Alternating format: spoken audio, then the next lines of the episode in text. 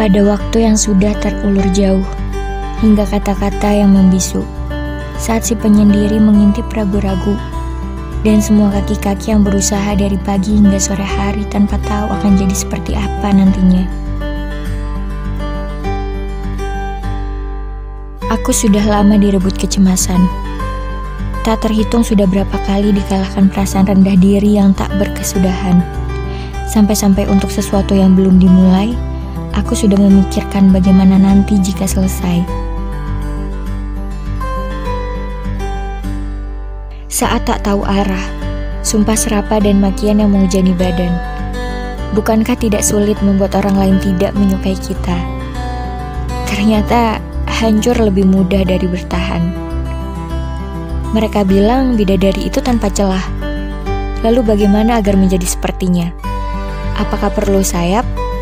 Atau gaun putih yang menjuntai panjang membelai lantai kaca? Agaknya kita tahu bahwa tak semua dapat kita rengkuh. Jadi, kukuatkan sekuat-kuatnya sampai mati.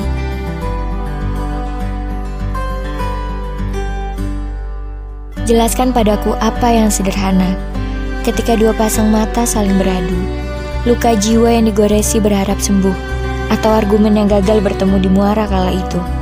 Bukankah mencintai itu perkara mudah, tapi untuk membuktikannya butuh waktu seumur hidup? Lalu bagaimana dengan semua yang berandai dapat memutar waktu? Kali-kali ada yang bisa diperbaiki, katanya. Apakah semua baru menyadari sesuatu saat hal itu sudah tak lagi ada?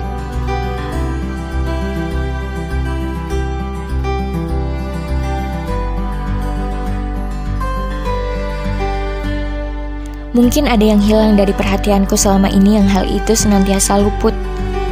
Boleh jadi banyak pasang mata di dunia ini melihatmu kering akan perjuangan, lemah, tak berdaya, tapi perhatikan sekali lagi bagaimana gagah dirimu menyapu ombak yang menyentuh asa di genggamanmu.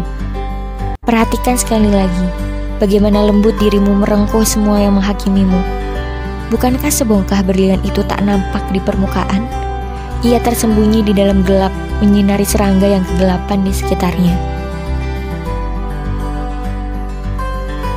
Saat kita-kita yang kesulitan dan ketakutan membenci sepi tapi menganggap yang lain tak berarti.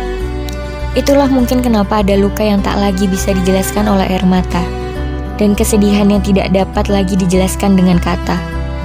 Bila kau tahu diam akan sangat menyiksa, lalu bagaimana dengan berbicara namun tak lagi didengar? Saat kepala-kepala menuntut sempurna, sehingga semua dilihat subjektif dengan retorika dan penilaian yang tak masuk akal. Tapi satu hal yang ku mengerti bahwa mereka yang berinteraksi denganmu dalam bersosialisasi layaknya kumpulan buku di perpustakaan kehidupan. Kau bebas memilih buku mana saja yang kamu sukai. Bebas pula membaca yang mana saja. Satu hal yang pasti, kamu tidak merobeknya. Karena pembaca yang baik tidak akan merobek buku yang dibacanya. Pada akhirnya, bagiku semua punya makna. Bertemu dengan orang-orang di sekitarku juga punya makna. Berjuang susah payah walau berakhir gagal juga punya makna. Tidak ada yang sia-sia. Atas semua-semua yang membentukku, setidaknya aku jadi tahu bahwa mereka yang berdiri setelah dihantam badai tidak akan terusik oleh gerimis. No matter people underestimate me, still I will bloom with grace. Selamat datang di Yasmin Fairas Podcast. Nama kecilku Ai, orang-orang di sekitarku mengenalku dengan nama Yasmin, dan nama istimewaku Jane.